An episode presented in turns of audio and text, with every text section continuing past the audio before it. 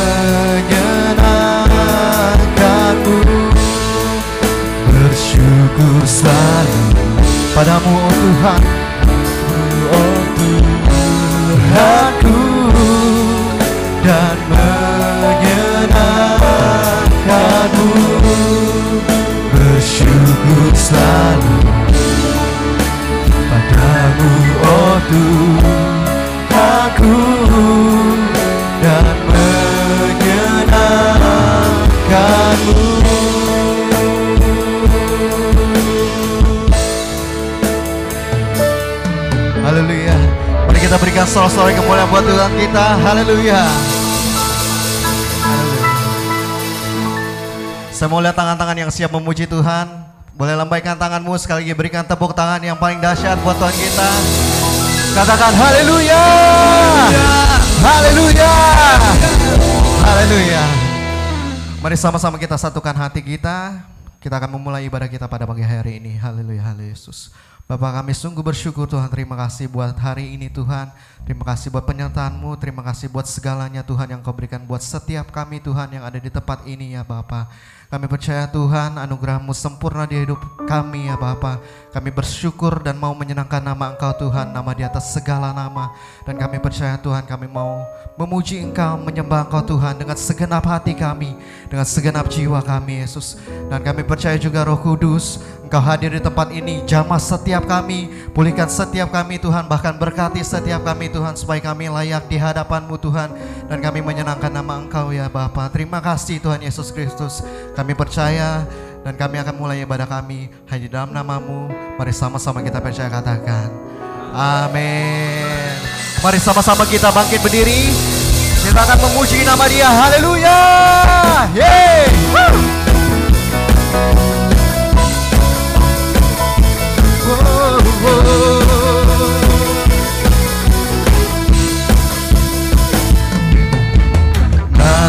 semua datang kepadanya Bawa hatimu, bawa hatimu yang bersuka. Mengangkat tangan, membawa pujian Menyatakan kebesarannya Mari sama-sama sembah Ku sembah sembah engkau Tuhan dan Rajaku. Ku puji puji kebesaranmu di hidupku. Bersorak-sorai dan memuliakan namamu. Sungguh besar engkau Tuhanku Yang percaya Tuhan kita besar katakan amin.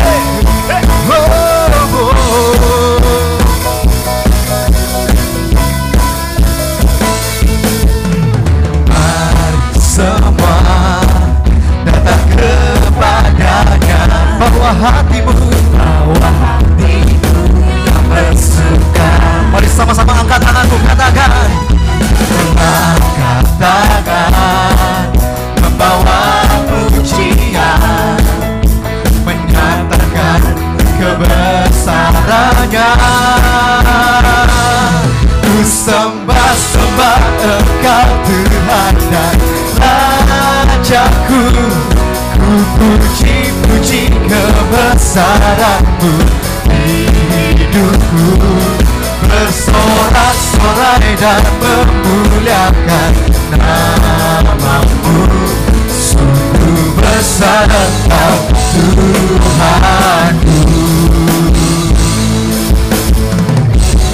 Kami percaya Tuhan Engkau Allah yang besar di dalam kehidupan kami Yesus.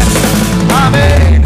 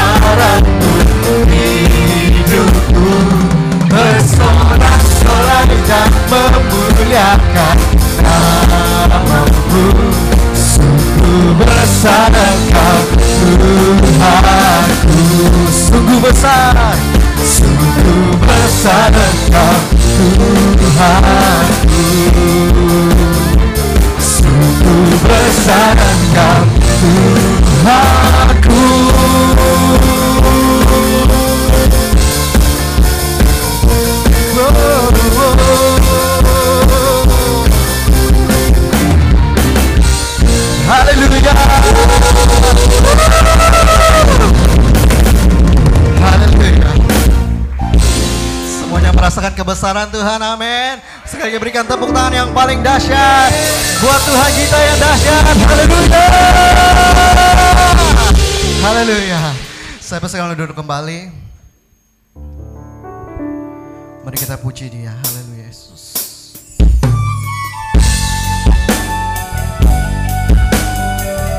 Oh Roh Kudus, kami percaya Tuhan Kau hadir di sini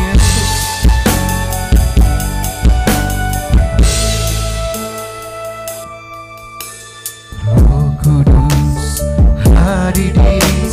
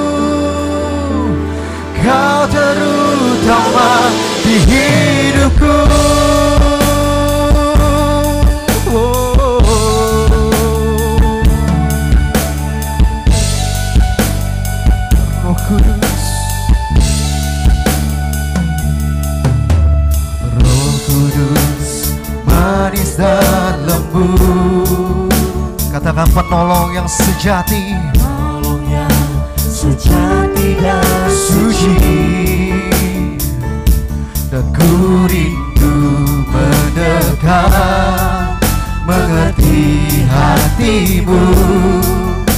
Berjalan dalam kuasamu Bekerjalah, bekerjalah.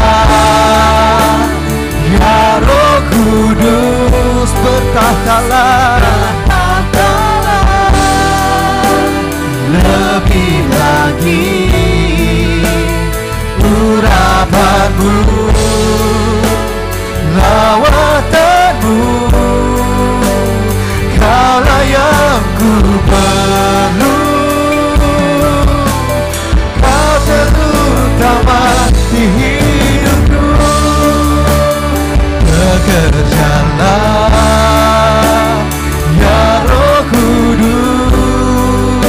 sembah Lebih lagi. Yes Urapanmu Lawatanmu Kaulah yang ku perlu Kau terutama di hidupku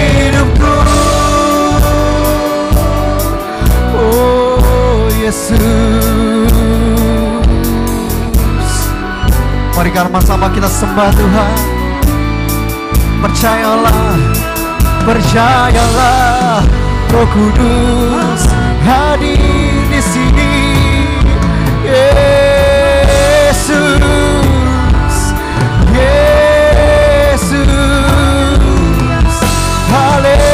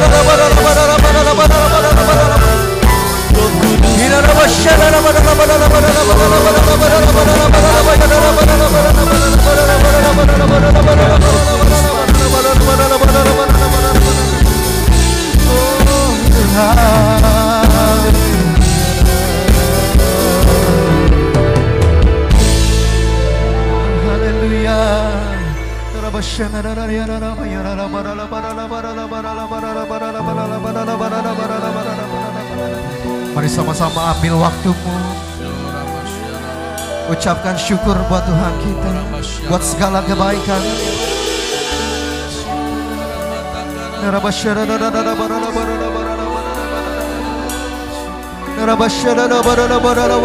Mari angkat kedua tanganmu, angkat, angkat.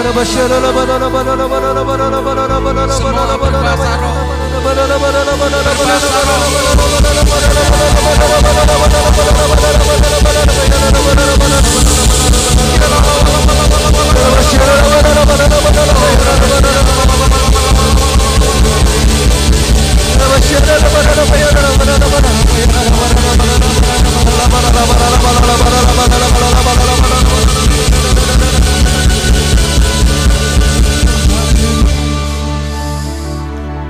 Haleluya. Haleluya. Yesus. Ku buka hati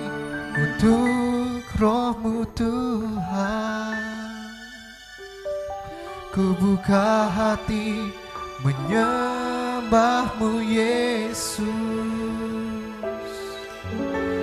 Jamalah kami Penuhi kami dengan kuasa Allah Maha Tinggi. Mari pelan-pelan kita bangkit berdiri katakan, Ku buka hati untuk rohmu Tuhan.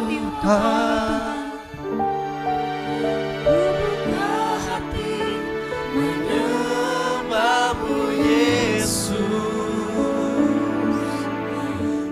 Jamalah kami Penuhi kami Dengan kuasa Allah Maha Tinggi Buka hatimu buka hati Untuk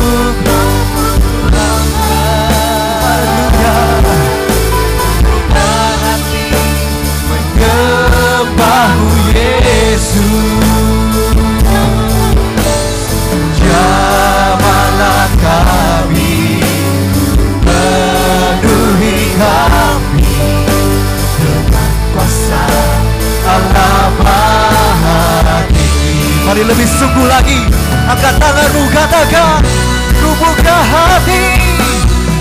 Ku buka hati untuk rohmu Tuhan? Ku buka hati menyembahmu Yesus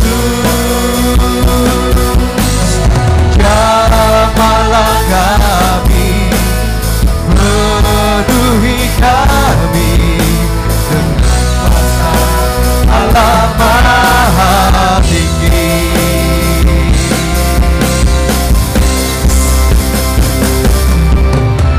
buka hati untuk roh Tuhan. Ku buka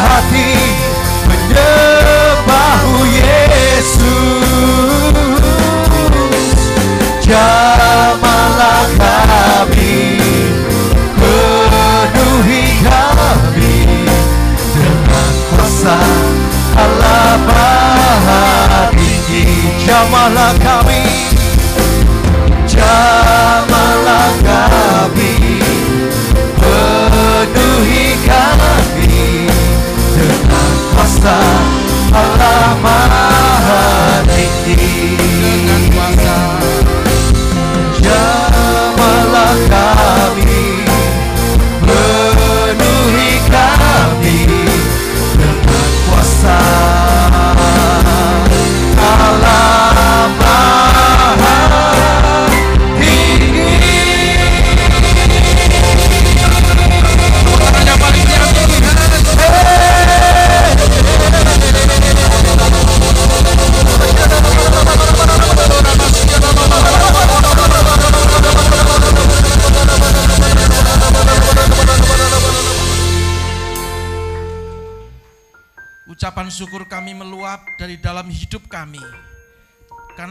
kami sudah dipenuhi oleh roh kudus. Dan kami tahu percaya bahwa roh kudus terus akan memberikan tuntunan, bahkan memberikan kekuatan kepada kami. Di dalam kekuatan itu ada kemenangan yang datang daripada Tuhan. Apa pun persoalan kami, kami pasti akan mampu untuk menghadapinya. Bahkan kami akan menjadi pemenang lebih daripada pemenang. Terima kasih untuk kehadiranmu dalam puji-pujian dan penyembahan pagi hari ini ya Tuhan. Tiba saatnya kami akan duduk tenang mendengarkan kebenaran firman-Mu. Sampaikan isi hatimu, urapi kami semua. Urapi juga hambamu yang menyampaikannya. Demi nama Yesus Kristus Tuhan kami berdoa. Haleluya, sama-sama berkata. Amin. Haleluya, puji Tuhan, puji Tuhan. Silakan duduk saudara-saudara. Shalom. Seperti pada sesi IFC yang pertama tadi, mungkin ada yang bertanya IFC itu apa ya? IHK Fellowship Center. Jadi di sesi yang pertama saya juga menyampaikan bahwa kita itu sebetulnya sedang merayakan pencurahan Roh Kudus, saudara. Dan ada beberapa orang yang memiliki satu salah pengertian bahwa pencurahan Roh Kudus itu harus selalu ditandai dengan bahasa roh. Ya, memang waktu itu pada waktu para murid menanti-nantikan Roh Kudus, mereka berbahasa lidah, ya. Tetapi itu penting karena itu juga bagian daripada uh, karya Tuhan karunia, katakan sama-sama karunia. Tapi saya juga mau memberitahu bahwa bahasa roh itu bukan membuat kita masuk surga. Amin. Itu hanya salah satu tanda bahwa saudara dan saya dipenuhi oleh roh Tuhan. Dipenuhi oleh roh kudus. Amin. Gereja ini tidak anti bahasa roh. Gereja ini harus berbahasa roh. Amin. Tetapi kalau saudara membuat-buat atau dibuat-buat, saya kira jangan. Ya, itu malah mendukakan roh kudus. Amin. Nah pada hari ini kita seperti biasa di minggu pertama selalu ada perjamuan kudus. Saya minta yang di rumah yang tidak bersama dengan kami di dalam ruangan ini persiapkan anggur, persiapkan hosti supaya di akhir daripada khotbah saya nanti kita boleh bersama-sama masuk dalam sakramen perjamuan kudus. Dan bulan Juni ini kita membahas tentang transformasi doa, saudara-saudara ya. Kenapa doa harus membutuhkan suatu transformasi terobosan? Tadi pagi saya katakan bahwa doa itu ternyata adalah manifestasi dari iman kita. Katakan sama-sama iman. Siapa yang punya iman lambaikan tangan lalu berikan tepuk tangan yang paling meriah untuk Tuhan. Saya mau kasih tahu bahwa iman itu sebetulnya bukan punyamu, bukan punyaku, tapi iman itu barang pinjaman yang Tuhan berikan kepada kita. Amin. Tanya sama Pastor Moses, ya keluarga kami dulu bukan orang Kristen. Kami tidak bisa tanya Yesus, tidak bisa ngomong Yesus itu Tuhan. Karena Yesus itu nabi dulu, saudara ya. Tetapi begitu iman itu Roh Kudus berikan kepada saya, kepada keluarga kami, maka dengan mudah kami berkata Yesus Kristus itu Tuhan dan Juru Selamat saya. Amin. Itu bukti bahwa iman itu bukan punya kita, iman juga bukan barang untuk memaksa Tuhan, untuk Tuhan mendengarkan doa kita. Tadi pagi saya katakan bahwa ternyata ada korelasinya berbanding lurus antara iman dengan doa. Kalau saudara punya anak kecil ya, yang baru suka permen gitu ya. Lalu minta permen sama bapaknya, papi, mami ya, sama mamanya ya. Aku minta permen Lalu oleh kebaikan hati orang tuanya yang mestinya dikasih satu, tapi dikasih tiga gitu. Lalu anak ini ngomong, waduh bapakku baik loh, mamaku juga baik. Aku minta satu lalu diberi tiga. Ini namanya karunia atau kasih karunia. Amin. Anak ini senang sekali. Tapi apakah kalau saudara datang kepada mamamu atau bapakmu yang sudah dewasa-dewasa itu sudah dikasih permen satu genggam begini lalu sudah berkata, wih baik sekali. Ada yang memang baik seperti itu, ya karena memang saudara perlu permen. Tapi pada kenyataannya orang dewasa terlalu banyak makan permen itu diabetes, tahu enggak? Saudara, jadi tingkat kebutuhan iman kita itu berkorelasi dengan doa yang kita lantunkan, yang kita mintakan kepada Tuhan. Dan hari ini kita belajar tentang kekuatan dahsyat dari suatu doa. Katakan sama-sama kekuatan dahsyat dari suatu doa.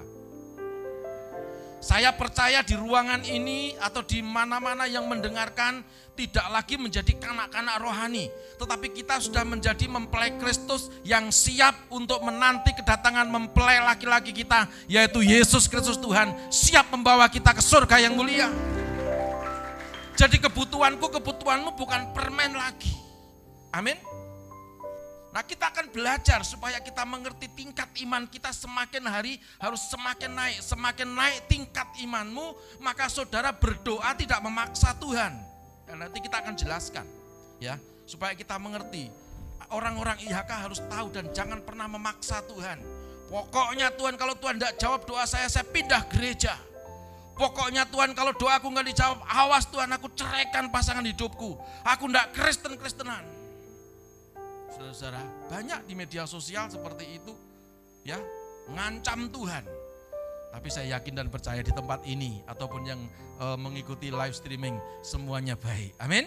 Yang mengikuti live streaming yang di rumah tulis di live chat ya, sebanyak-banyaknya Tuhan Yesus hebat. Yang di tempat ini beri tepuk tangan yang paling meriah untuk Tuhan kita yang dahsyat. Kita membacanya di dalam Roma pasal yang ke-8 ayat yang ke-26 sampai yang ke-27. Suratan Roma pasal yang ke-8 ayat yang ke-26 sampai yang ke-27. Haleluya. Kita baca bersama-sama dalam hitungan ketiga. Satu, dua, tiga. Demikian juga roh membantu kita apa? Dalam kelemahan kita. Kita itu lemah. Sampai di sini dulu perhatikan ke depan. Manusia itu terbatas, manusia itu lemah, manusia itu terukur, manusia itu ada apa namanya expirednya. Kita baru saja kemarin melayani saudara kita almarhum Bapak Kennedy Salim yang baru bergereja di tempat ini tiga kali ibadah dan berlatar, latar belakang bukan Kristen. Baru rencana kita mau baptis minggu depan, tapi sudah dipanggil pulang ke rumah Tuhan. Saudara, siapa yang tahu? Nggak ada orang yang tahu kapan meninggalnya. Ya, kalau ada orang yang tahu, wah pasti hidupnya hari ini akan baik-baik saja. Dia akan berderma kepada semua orang, ngomongnya pun pasti ditata. Ya, kalau menegur orang, selamat pagi Bapak Ibu, apa kabar Shalom gitu, karena besok mau mati. Ngerti enggak?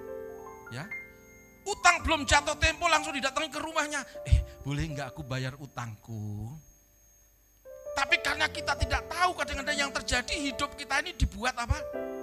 Ngeyel, ditagih hutang. Udah jatuh tempo tiga bulan. Ngerti enggak? Ya, mengeraskan hati itulah manusia lemah. Jadi siapa yang sombong di tempat ini, siapa yang menyombongkan diri itu enggak layak bagi Tuhan. Kesombonganmu itu enggak ada apa-apanya dibandingkan dengan Tuhan. Karena itu rendahkanlah hati. Orang kalau rendah hati itu berarti doanya betul. Amin. Tengok kanan kiri muka belakang, ya. Kalau wajahnya cerah itu doanya betul. Ya. Oh, pakai masker enggak kelihatan ya. Jadi hanya kelihatan matanya saja gitu ya. Ya enggak apa-apa lah ya. Tapi yang penting firman ini harus tembus dalam hatimu. Walaupun aku enggak lihat mulutmu, tapi aku lihat hatimu. Beri tepuk tangan yang paling meriah untuk Tuhan. Saya ulangi. Demikian juga roh membantu kita dalam kelemahan kita. Sebab, lebih keras dua tiga, kita tidak tahu bagaimana sebenarnya harus berdoa. Tetapi roh sendiri berdoa untuk kita kepada Allah dengan apa? Keluhan-keluhan yang tak terucapkan. 27 lebih kuat. Dan Allah yang menyelidiki hati nurani. Mengetahui maksud roh itu.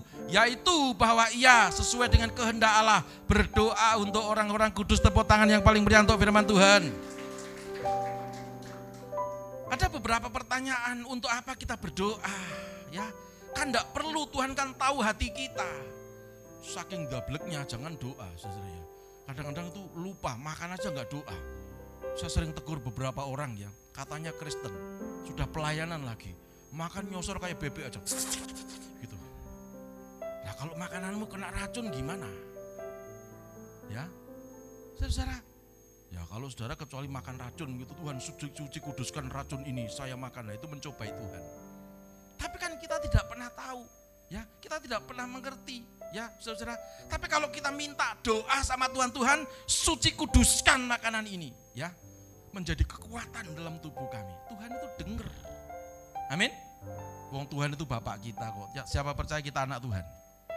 Wah, yang anak Tuhan tepuk tangan yang paling meriah untuk Tuhan. Yang enggak tepuk tangan saya sedang ragu-ragu, Anda anak siapa?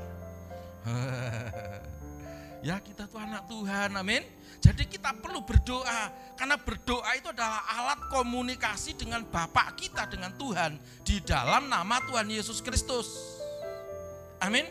Jadi kalau ada orang Kristen tidak pernah komunikasi dengan Bapaknya, bahkan doa bisa WA. Saya juga sedang memikirkan ngusir setan dengan WA itu gimana. Sebab tiap hari itu ngusiri setan itu ya. Saudara ya. Kadang-kadang harus pakai video call gitu ya. Walaupun video call ngeblak-ngeblak juga, muntah-muntah juga. Bukan aku yang muntah-muntah, karena tidak makan, bukan. Ya, didoakan pakai video call, waduh sudah nungging-nungging tidak karu-karuan itu. Saya sedang memikirkan lebih irit itu ya, di WA dalam nama Yesus, setan keluar, sen gitu loh. Terus setannya tuh pergi gitu. Kok belum bisa ya? Pak Moses mungkin bisa menjawab pertanyaan saya. Kan beliau seorang dosen. Jadi bagaimana kita disebut anak Tuhan kalau tidak pernah berkomunikasi dengan Bapak kita? Kita perlu berdoa, sebab doa adalah alat komunikasi dengan Tuhan. Doa adalah alat introspeksi diri. Ya, loh kok bisa? Loh iya kan, Bapak kami di surga, kami bersyukur kepadamu, paling enggak bersyukur. Artinya apa? Kita mengakui Tuhan berdaulat atas hidup kita. Kita bisa introspeksi bahwa kita ini sebetulnya hanya ciptaan, bukan Tuhan atas diri kita sendiri. Amin. Karena itu kalau ada orang Kristen tidak pernah doa, saudara tidak pernah me mentransformasi, mengubah cara doamu. Ya jangan salahkan Tuhan. Masuk surga, masuk surga. Tapi menderita, lah iyalah. Ya, Nanti berikutnya kita lihat ya. Jadi doa juga alat untuk memohon kepada Tuhan, meminta seperti tadi. Ada yang permintaannya masih kecil Tuhan, e, minta tolong ya Tuhan, rumah kontrakan dulu seperti gereja ini kan kontrak terus ini, tidak boleh ini kontrak terus. Amin. Kita harus bisa membangun sendiri atau beli gedung yang sudah jadi gitu, tidak ruwet-ruwet. Amin. Siapa rindu? Ya akan punya gedung sendiri. Wah, yang yang live streaming apa kelihatan ya? Doain aja yang live streaming nonton-nonton gitu ya. Doakan supaya kami punya gereja sendiri gitu ya.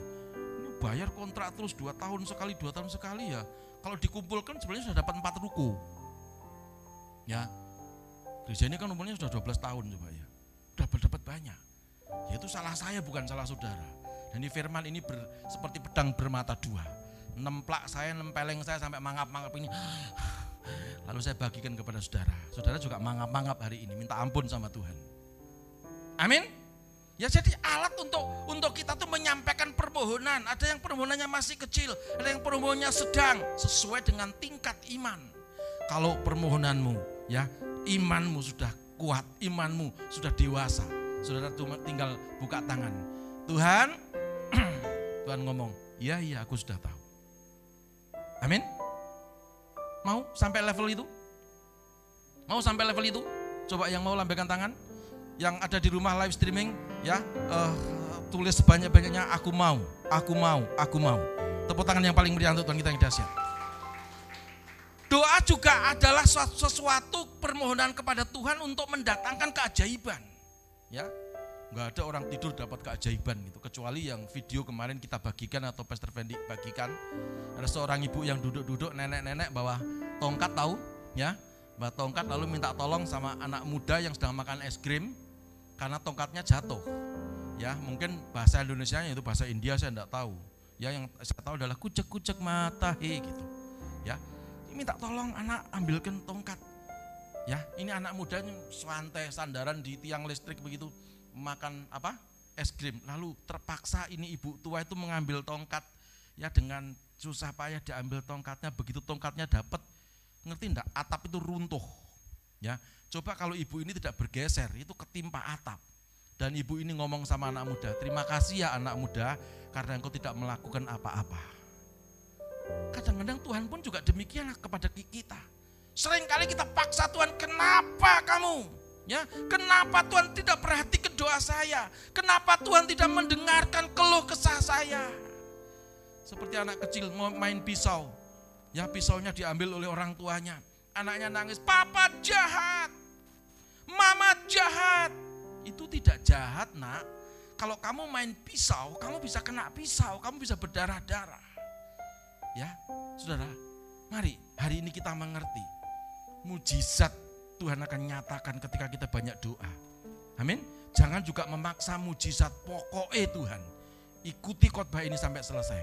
Pulang dari tempat ini, semua diberkati. Semua mengalami terobosan doa. Doamu didengar oleh Tuhan. Sebab doa berkuasa dalam nama Yesus. Tepuk tangan yang lebih meriah untuk Tuhan. Ini yang penting, saudara. Jadi dengan bertekun di dalam doa, rajin doa. Ternyata doa itu bisa mengubah karakter kita loh. Amin. Makanya kalau orang yang karakternya buruk itu pasti nggak pernah berdoa. Atau kalau berdoa laporan, Tuhan terima kasih hari ini Tuhan sudah menolong saya, haleluya, amin. Tuhan baru ngomong, I, i, iya nak, Tuhan mau ngomong gitu, eh, eh, nggak jadi lagi. Besok begitu lagi, makasih Tuhan berkati makanan minuman ini, haleluya, amin. Tuhan mau, eh, eh, ya sudah selesai. Aminnya cepatnya luar biasa.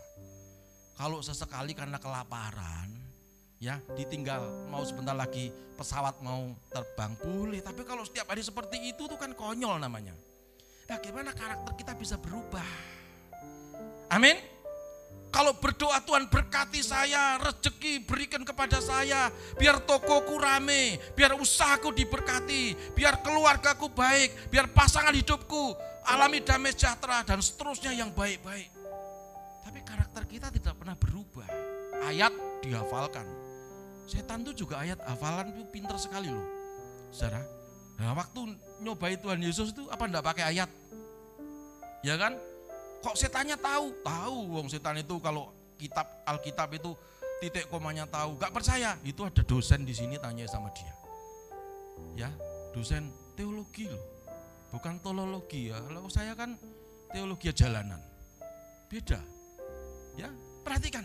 Setan pun hafal firman, tapi setan tidak bisa berdoa karena setan tidak punya iman kepada Yesus Kristus Tuhan. Saudara dan saya memiliki iman. Karena itu, doamu harus mendatangkan kuasa, doamu harus mendatangkan mujizat, doamu harus mendatangkan terobosan. Berikan tepuk tanganmu yang paling meriah untuk Tuhan. Harus masuk dalam transformasi doa. Ya, supaya keajaiban-keajaiban itu menjadi milik kita. Jangan berkata, gimana kok sepi? Oh iya sih sepi sih memang Ukraina itu belum selesai-selesai dibombardir sama Rusia. Hubungannya apa? Halo? Terus saudara itu apa ada hubungan langsung dengan Ukraina? Ya, saudara keturunan Ukraina begitu, ya. Kadang-kadang kita itu terlalu meninabobokkan iman kita dan kita itu uh, senang sekali untuk mengalihkan perhatian padahal kita malas berdoa. Padahal kita tuh males tidak punya iman. Ya, seharusnya makanan keras itu milik kita, makanan kita. Tapi sering kali kita masih minum susu setiap hari. Ya, nggak mau makan makanan keras.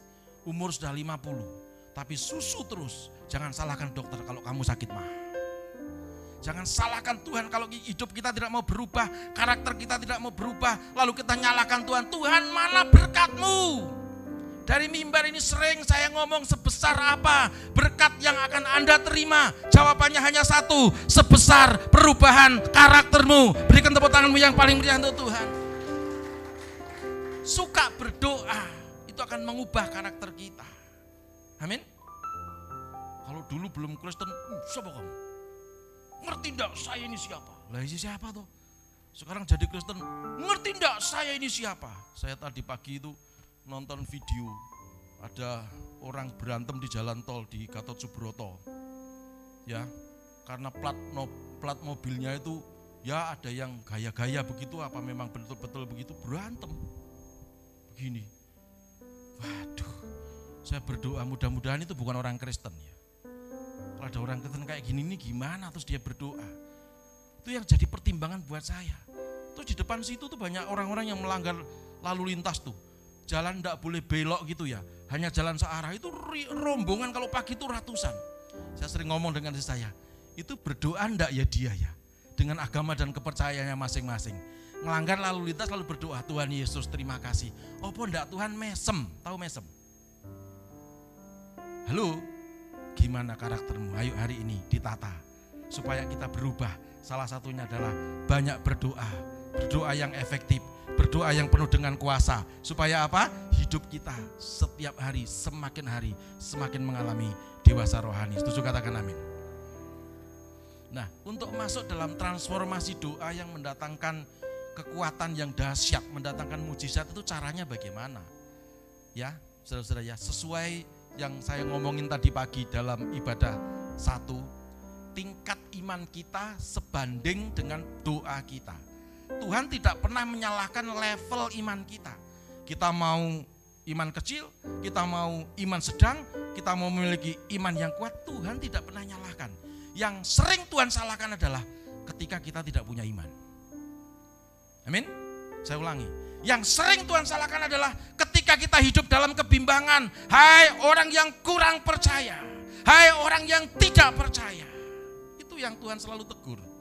Karena itu iman berbanding lurus dengan doa kita. Setuju katakan amin. Coba kita lihat di dalam slide berikutnya.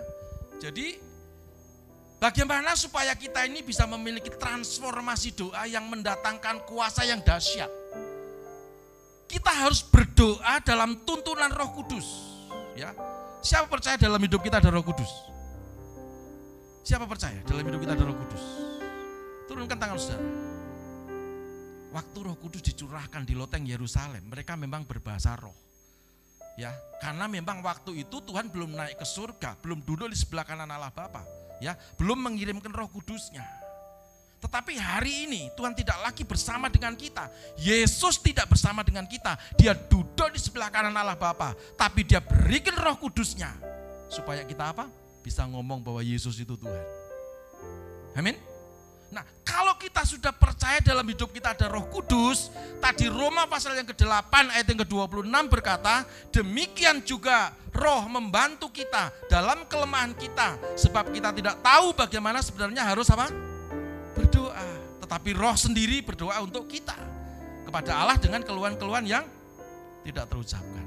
Jadi kalau kita berdoa dengan pimpinan Roh, ya, berdoa dengan tuntunan Roh itu gampang, ya Makanya kalau doa itu jangan cepet-cepet supaya doa kita tuh berkuasa. Kita mengalami transformasi doa. Doamu dijawab oleh Tuhan, cepat atau lambat pasti dijawab oleh Tuhan.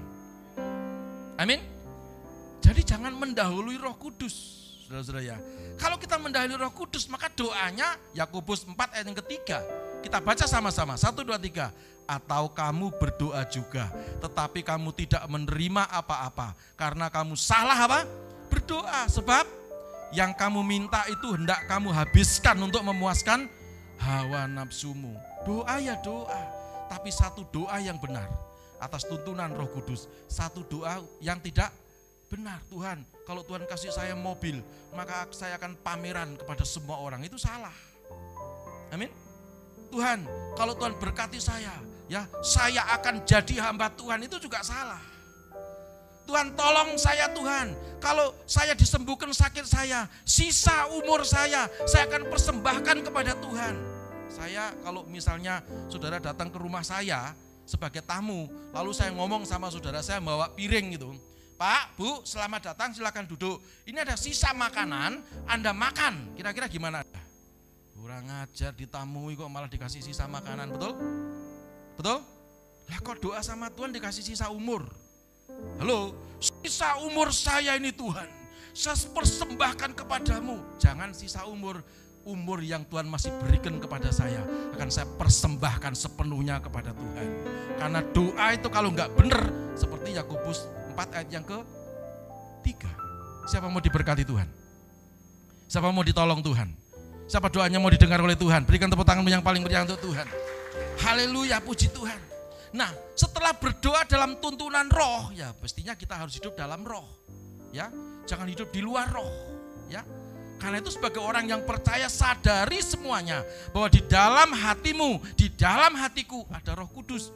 Ajak Roh Kudus berbicara, ya. Caranya bagaimana? Setelah baca firman Tuhan.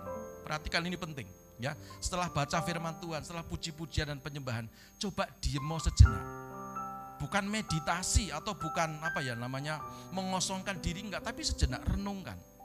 Nanti kan ada sesuatu di dalam hatimu, ya. Ada petunjuk di dalam hatimu. Nah itu Roh Kudus ngomong, saudara ya. Ikutin petunjuknya, cari Alkitab mana ya.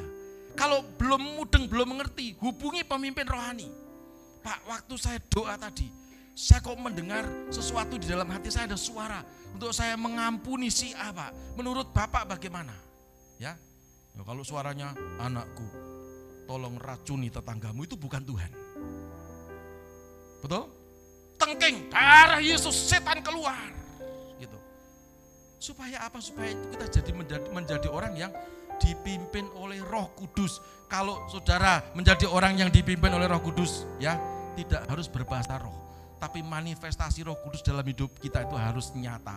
Roh Kudus itu lemah lembut, Roh Kudus itu nurut, Roh Kudus itu sopan, Roh Kudus itu menuntun kita dalam kelemahan, Roh Kudus itu membimbing kita supaya kita mengalami dan menikmati seluruh janji Tuhan. Tepuk tangan yang paling meriah untuk Tuhan. Diam mau sejenak, diam, diam, tenang tunggu. Sering saya ngomong ini, tenang dan tunggu terus tenang dan tunggu. Besok begitu lagi tenang dan tunggu, saudara akan dipenuhi oleh kemuliaan Tuhan. Yang kedua, tingkatkan level doa. Ya, dari doa biasa kepada doa dan puasa. Amin. Level doa itu yang tadi saya katakan itu ada seberbanding lurus dengan level iman. Ada yang mungkin imannya masih kecil, imannya sedang, imannya kuat, ya. Doa biasa, ya. Lalu doa yang sedikit agak penuh dengan perjuangan dan kalau saudara lari ke atas atau naik ke tingkat yang level luar biasa, saudara dengan doa puasa. Matius 17 ayat 14 sampai 21, tapi saya akan membaca di ayat yang ke-21 saja. Ini ceritanya Yesus menyembuhkan anak muda yang sakit ayan. Sakit ayan itu konsleting uh, apa? Listrik di simpul-simpul listrik di otak kita. Otak kita itu ada listriknya, Saudara. Jadi kita tuh punya listrik statis ya Nah, ketika konsleting pada saraf-saraf otak itu biasanya ya ini salah satu e, manifestasinya sakit ayan. Enggak sembuh dibawa ke mana-mana. Dibawa ke muridnya Yesus sudah didoakan Petrus, Yakobus ya didoakan semua murid-murid ah, enggak sembuh. Papa mamanya ngomong sama Yesus, Tuhan aku sudah minta tolong sama murid-muridmu tapi enggak sembuh loh. Yesus ngomong apa di ayat 21? Kita baca sama-sama. Dua, tiga. Jenis ini tidak dapat diusir kecuali dengan berdoa dan berpuasa. Untuk apa puasa? Berdoa kan sering. Tapi untuk apa orang Kristen berpuasa? Halo? Ya, apa supaya pantas? Tidak. Supaya kedagingan kita ini loh. Kita tidak menuruti Yakobus tadi. Ya, supaya doamu tidak untuk memuaskan hawa nafsu. Supaya kita mendengar apa kata Roh Kudus dalam kehidupan kita. Amin. Naik level sedikit, tingkatkan level doamu kepada doa dan puasa. Saya yakin dan percaya. Seperti yang Yesus tegur kepada muridnya. Jenis ini tidak bisa dengan doa biasa, Petrus. Ya, tetapi jenis ini harus ditingkatkan levelnya dengan doa dan puasa. Karena itu kalau Anda punya pergumulan, masuk dalam level lebih tinggi lagi, doa dan puasa. Sakit ya Pak, kalau puasa itu lapar. Dari zaman unta belum bungkuk, namanya puasa itu lapar. Betul? Ya. Namanya puasa itu lapar. Jadi kalau lapar itu Anda sedang puasa. Kapan Anda memulai puasa? Pada saat Anda lapar. Saya kalau puasa itu tidak pernah lapar, Pak. Oh, itu kamu robot. Ya. Kalau puasa itu kenyang terus, Pak kamu stres berarti, ngerti enggak? Ya, sudah kalau kalau kalau lapar ya sudah biarin Tuhan. Aku memang lemah tadi dikatakan. Ya, aku memang lemah, tapi aku mau Tuhan dalam kelemahanmu itu rohmu memberi kekuatan kepada saya. Tuhan tahu persoalannya aku hadapi, aku tidak sanggup mengatasinya sendiri. Aku minta anugerahmu Tuhan. Dengan saudara merendahkan diri Alkitab berkata, siapa merendahkan diri, dia akan ditinggikan oleh Tuhan pada waktunya. Beri tepuk tangan yang paling meriah untuk Tuhan kita yang dahsyat.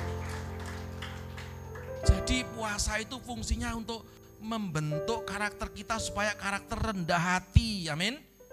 Jangan seperti perumpamaan di dalam Alkitab ada dua orang ya di dalam bait Allah satu ngomong Tuhan, aku tidak pernah nipu loh Tuhan Enggak kayak orang yang sebelah itu Tuhan. Wah itu jahat hidupnya Tuhan. Kalau aku enggak Tuhan, semua hukum ya saya oh, ikutin.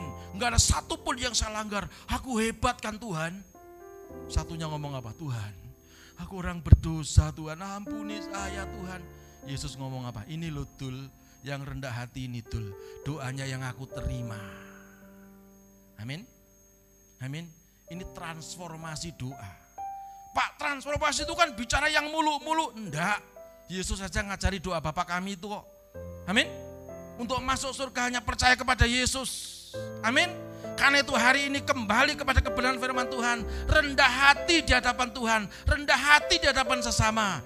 Doamu pasti didengar oleh Tuhan. Beri tepuk tangan yang paling meriah untuk Tuhan.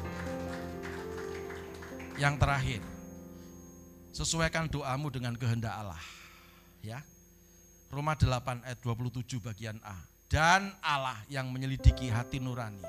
Mengetahui maksud roh itu. Yaitu bahwa ia sesuai dengan apa? Kehendak Allah. Loh kalau hidup kita sesuai dengan kehendak Allah itu udah dapat persoalan oh ya, saudara ya. Tapi kalau hidupmu melawan kehendak Allah, ya jangan melawan kehendak Allah. Saudara melawan arus saja. Ada masalah enggak kira-kira? Ke depan situ jalur satu jalur eh, satu apa namanya? Kalau bahasa Malaysia laluan sehela, ya satu arah saudara santai bawa motor itu, emang gua pikirin itu paling enggak itu jadi persoalan kalau saudara melawan kehendak Tuhan, walaupun Anda melayani, gak dapat apa-apa. Amin. Tapi kalau mengikuti kehendak Allah, ya. Matius 26 39 kita baca sama-sama. 23. Maka ia maju sedikit, lalu sujud dan berdoa, katanya, "Ya Bapakku, jikalau sekiranya mungkin, biarlah cawan ini lalu daripadaku, tetapi janganlah seperti yang ku kehendaki, melainkan seperti yang engkau kehendaki. Ini level paling tinggi. Mengalahkan level doa puasa. Ya. Biarlah Tuhan, kalau aku nggak nggak sembuh dari sakitku nggak apa-apa kok Tuhan. Nggak apa-apa aku rela meninggalkan dunia ini. Yang terpenting itu namaku sudah dicatat di kitab kehidupan di surga yang mulia kok Tuhan. Aku rela, justru malah sembuh loh yang kayak gini nih. Amin. Enggak apa-apa Tuhan. Sadra Mesa Abednego. Ayo nyembah patung. Sadra Mesa Abednego ngomong apa? Enggak. Kalau seandainya Tuhan yang aku sembah enggak nolong aku. Enggak apa-apa. Aku mati enggak persoalan. Karena aku tahu aku masuk surga. Malah selamat. Tepuk tangan yang paling meriah untuk Tuhan kita yang dahsyat. Ini level paling tinggi. Apa Pak Pendeta sudah bisa? Saya jujur belum bisa. Ya, kadang masuk, kadang keluar lagi. Makanya kita belajar bersama-sama. Amin. Amin. Saya masih banyak banyak persoalan karakter-karakterku banyak yang harus dikikis, digrounded, tidak layak bagi Tuhan. Ya, Wong doa puasa kadang-kadang Pastor Fendi hari Jumat kemarin ngajak doa puasa. Saya tuh ngomong, waduh lah aku ini kurang tidur, banyak ngadepin orang, masih uh, ibadah doa apa uh, penghiburan sampai ke krematorium. Nah, kalau saya puasa nanti, lah itu kan mulai hitung-hitungan saya sama Tuhan. Saya salah. Sudah pikir pendeta tuh bener terus apa? Enggak loh, ya. Saya makan, memang gue pikirin. Habis makan mikir, eh iya ya aku mau doa inilah kok gimana saya tabrak sendiri firmannya. Ayo, karena itu jangan andalkan pendeta tapi andalkan Tuhan. Tepuk tangan yang paling meriah untuk Tuhan kita yang dahsyat. Ini level paling tinggi di dalam doa. Datanglah kerajaanmu, jadilah kehendakmu dalam hidup kita. Sudah tahu enggak kehendak Tuhan itu apa? Dalam hidup kita. Masa depanmu baik. Amin. Hari depan yang penuh dengan pengharapan. Saya percaya masa depan kita baik Hari depan yang penuh dengan pengharapan. Lambaikan lebih tinggi tangan saudara, lebih tinggi, lebih tinggi. Tepuk tangan yang paling meriah untuk Tuhan kita yang dasar. Jadi percayalah sepenuhnya kepada Tuhan, jangan andalkan kekuatanmu. Jangan maksa Tuhan. Banyak berdoa, banyak diberkati. Banyak berdoa, karaktermu harus berubah. Jangan banyak berdoa, tambah ndak karu-karuan. Lawang doanya tidur, doanya sekarang aminnya besok. Kan gitu. Tuhan Yesus terima kasih Tuhan. Sekarang eh, besok Pak, Pak bangun Pak. Aku sedang berdoa. Berdoa kok 8 jam. Ya itu ngantuk namanya. Enggak ada di sini. Di tempat lain banyak. Saudara-saudara mari. Tiga hal ini kita lakukan dalam kehidupan kita supaya kita memiliki doa yang memiliki kuasa, bukan doa-doa yang biasa, bukan doa-doa seperti anak kecil, Pak minta, tetapi kekuatan yang dahsyat muncul dari doa-doa kita yang kita mintakan kepada Tuhan. Ditandai dengan apa? Timbulnya mujizat, mujizat, mujizat, mujizat dalam kehidupan kita. Mari kita bangkit berdiri dalam hadirat Tuhan. Haleluya. Oh Ramasyarallah. Sambil kita mempersiapkan sakramen perjamuan kudus yang di rumah juga persiapkan anggur dan hosti. Kalau tidak ada anggur bisa memakai apa saja. Yang penting pakai air. Kalau tidak ada hosti sudah bisa memakai biskuit atau apa saja. Yang penting hatimu kepada Tuhan. Haleluya. Puji nama Tuhan. Kita nyanyikan lagu tadi yang terakhir. Buka hati.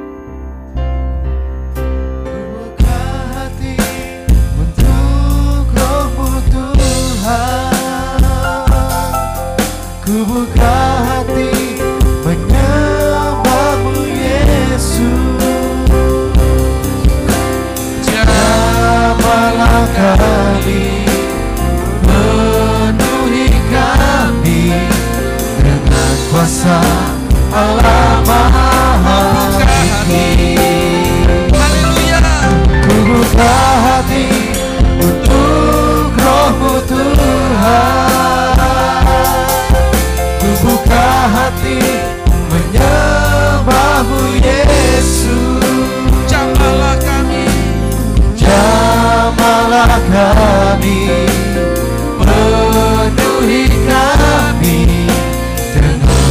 kuasa Allah Maha Tinggi Mari semua koreksi diri. Sebelum kita masuk dalam sakramen perjamuan kudus, minta ampun kepada Tuhan. Supaya kita layak, supaya kita dimampukan, supaya perjamuan kudus tidak menjadi laknat atau tidak menjadi kutuk. Tetapi perjamuan kudus ini menjadi berkat atas kehidupan kita semuanya. Ampuni kami ya Tuhan, kuduskan kami. Kami mau masuk dalam level doa yang paling tinggi. Ajarkan kepada kami terus supaya kami mau diproses oleh Tuhan sampai pada akhirnya datanglah kerajaanmu, jadilah kehendakmu dalam kehidupan kami. Sebentar kami akan masuk dalam sakramen perjamuan kudus Tuhan. Mari Tuhan urapi tahirkan kami semuanya. Demi nama Yesus Kristus Tuhan kami berdoa. Haleluya sama-sama berkata. Amin. Saudara-saudaraku yang dikasih oleh Tuhan. Di tangan kananmu itu bukan roti biasa, tetapi adalah tubuh Kristus. Di tangan kiri saudara yang saudara pegang, itu bukan anggur biasa, tetapi adalah darah Yesus. Pada waktu kita makan dan minum tubuh Kristus dan darah Yesus, Immanuel, Tuhan manunggal dalam hidup kita. Firman Tuhan berkata, sebab apa yang telah kuteruskan kepadamu, telah aku terima dari Tuhan, yaitu bahwa Tuhan Yesus pada malam waktu ia diserahkan mengambil roti, dan sudah itu ia mengucap syukur atasnya. Ia memecah-mecahkannya dan berkata, inilah tubuhku yang diserahkan bagi kamu, perbuatlah ini menjadi peringatan akan aku. Angkat tinggi-tinggi tubuh Kristus di atas kepala saudara. Jawab dengan iman, dengan sungguh-sungguh. Apakah yang saudara angkat dengan tangan kananmu tinggi di atas kepalamu, itu adalah benar-benar tubuh Kristus? Amin. Mari kita makan dengan iman demi nama Yesus.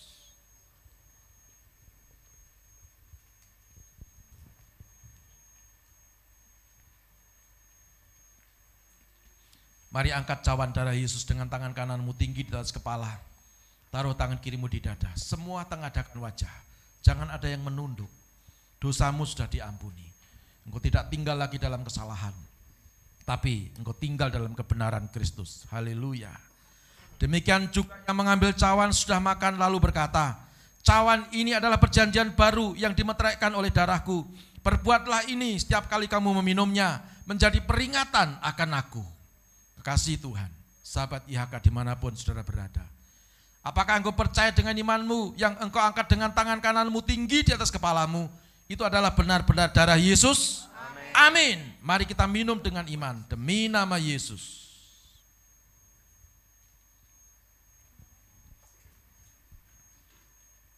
Mari kita buka kedua tangan kita di hadapan Tuhan. Kita ucap syukur kepada Tuhan. Haleluya, haleluya. Oh Ramasyara lama lama. Yang sudah berkarunia bahasa roh boleh berbahasa roh. Oh Ramasyara lama lama Terima kasih Tuhan. Oh Ramasyara lama. Oh Ramasikini anamata kana masikini anamaso. Haleluya,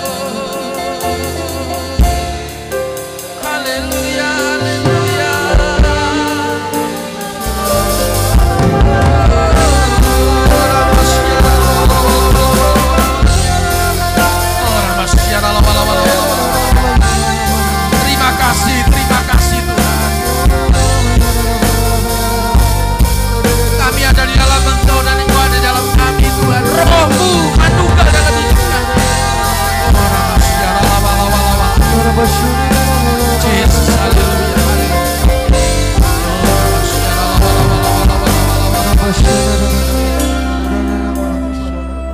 kasih Bapak. Turunkan tangan saudara.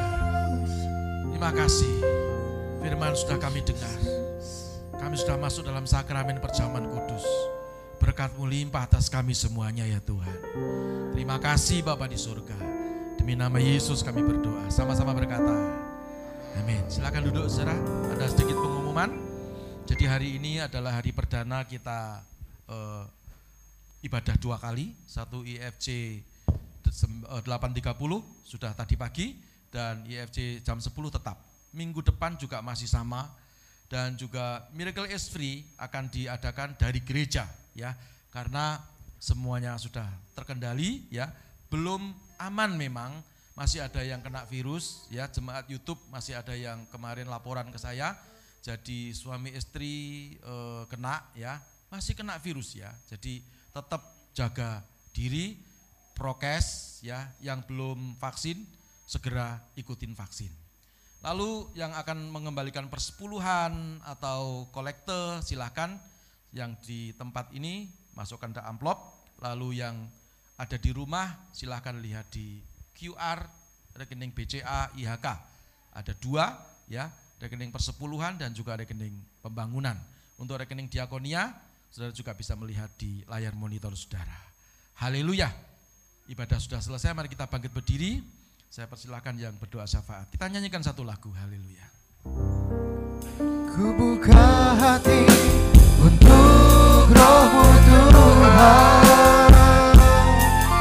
Ku buka hati menyembahmu Yesus?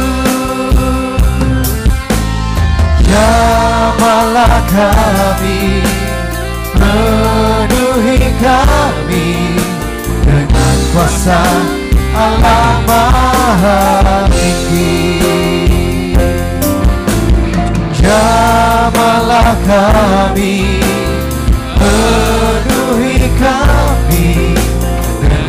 kuasa Allah Maha Tinggi. Jamalah kami, penuhi kami dengan kuasa Allah Maha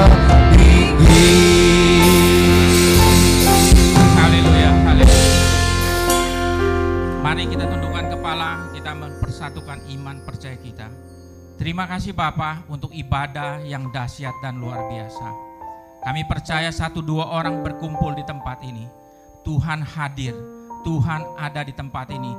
Tuhan membawa berkat buat setiap pribadi anak-anak Tuhan.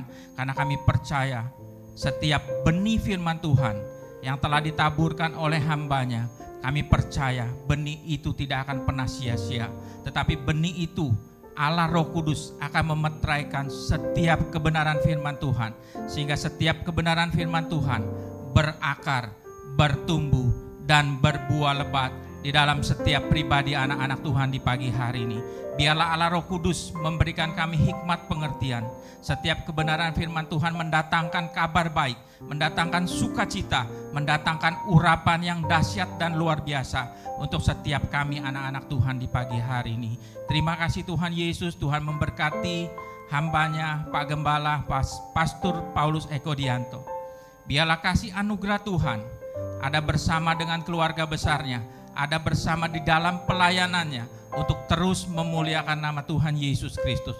Biarlah Tuhan pakai semakin hari semakin dahsyat sehingga mendatangkan banyak-banyak jiwa semuanya untuk memuliakan Tuhan Yesus Kristus. Terima kasih Bapa, Tuhan memberkati keluarga besarnya. Dan kami pun boleh berdoa untuk gereja satelit IHK, Bandung, Kota, Bogor. Tuhan memberkati setiap gembala-gembala satelit. Karena kami percaya kami punya Tuhan yang dahsyat. Kami punya Allah Roh Kudus yang luar biasa sehingga kami dapat mempergunakan ketika kami berdoa ada transformasi roh kudus yang dahsyat dan luar biasa. Membuat setiap kami anak-anak Tuhan, membuat setiap keluarga di tempat ini menjadi keluarga yang dibedakan, menjadi keluarga yang dilayakan untuk menerima urapan Tuhan yang dahsyat, yang luar biasa, yang hebat yang daripada Allah kita, yaitu Yesus Kristus Tuhan. Terima kasih Bapak dan kami pun boleh menerima tubuh dan darah Yesus Kristus. Kami percaya dalam tubuh ada kehidupan, di dalam darah ada kebangkitan. Karena kami percaya kami yang telah menyatu dengan tubuh dan darah Yesus Kristus. Iman percaya kami di pagi hari ini telah dibangkitkan oleh kebenaran firman Tuhan. Karena kami mendengar firman Tuhan yang dahsyat dan luar biasa. Terima kasih Tuhan Yesus dan kami pun akan mengangkat tangan kanan lebih tinggi dari atas kepala kami. Kami akan memperkatakan kata-kata iman percaya kami. Saya percaya saya adalah Tuhan yang penuh dengan kemuliaan Tuhan. Hidup dalam kekudusan, sukses di dunia dan masuk surga. Saya percaya saya adalah Tuhan yang penuh dengan kemuliaan Tuhan. Hidup dalam kekudusan, sukses di dunia dan masuk surga.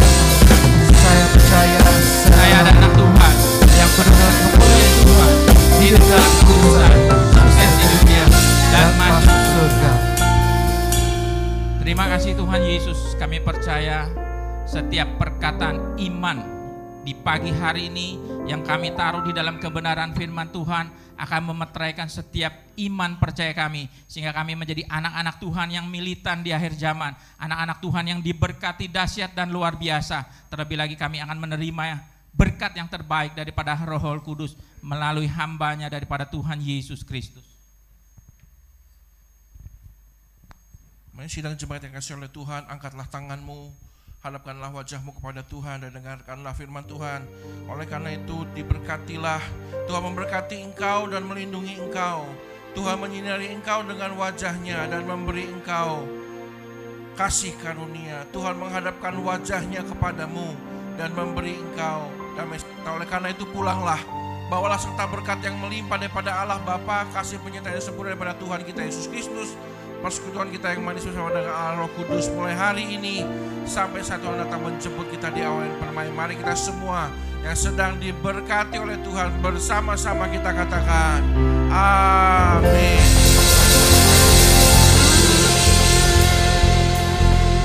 Selamat hari Minggu, Tuhan Yesus memberkati.